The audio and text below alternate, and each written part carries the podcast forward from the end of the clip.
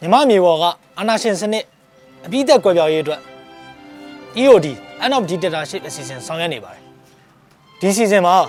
နိုင်ငံပိုင်မြေကိုမတရားလွှဲပြောင်းယူထားတဲ့အခုမင်းအောင်လှိုင်ရဲ့အမှတ်14အင်းညာချန်လိုမျိုးပြီးတော့ခေတ်ဆက်ဆက်စစ်တပ်ကအသုံးပြုပြီးအခုတခြားစီးပွားရေးလုပ်ငန်းအသွင်ကိုပြောင်းခဲ့တဲ့ပြောင်းဖို့လုပ်နေတဲ့မြေခွက်တွေအဆောက်အအုံတွေ အကြံဖက်စေအုပ်စုက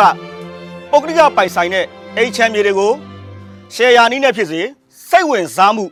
အစိုးပြုလွှာတင်ခေါ်ရေးဖြစ်စေတဲယူရောင်းချတော်မှာဖြစ်ပါတယ်ရောင်းရငွေတွေကိုပြည်သူတွေအကျိုးရှိဖို့ဥပမာຫນွေဦးဒေါ်လာရေးပန်းချံအဆောက်အုံတွေပြတိုက်တွေ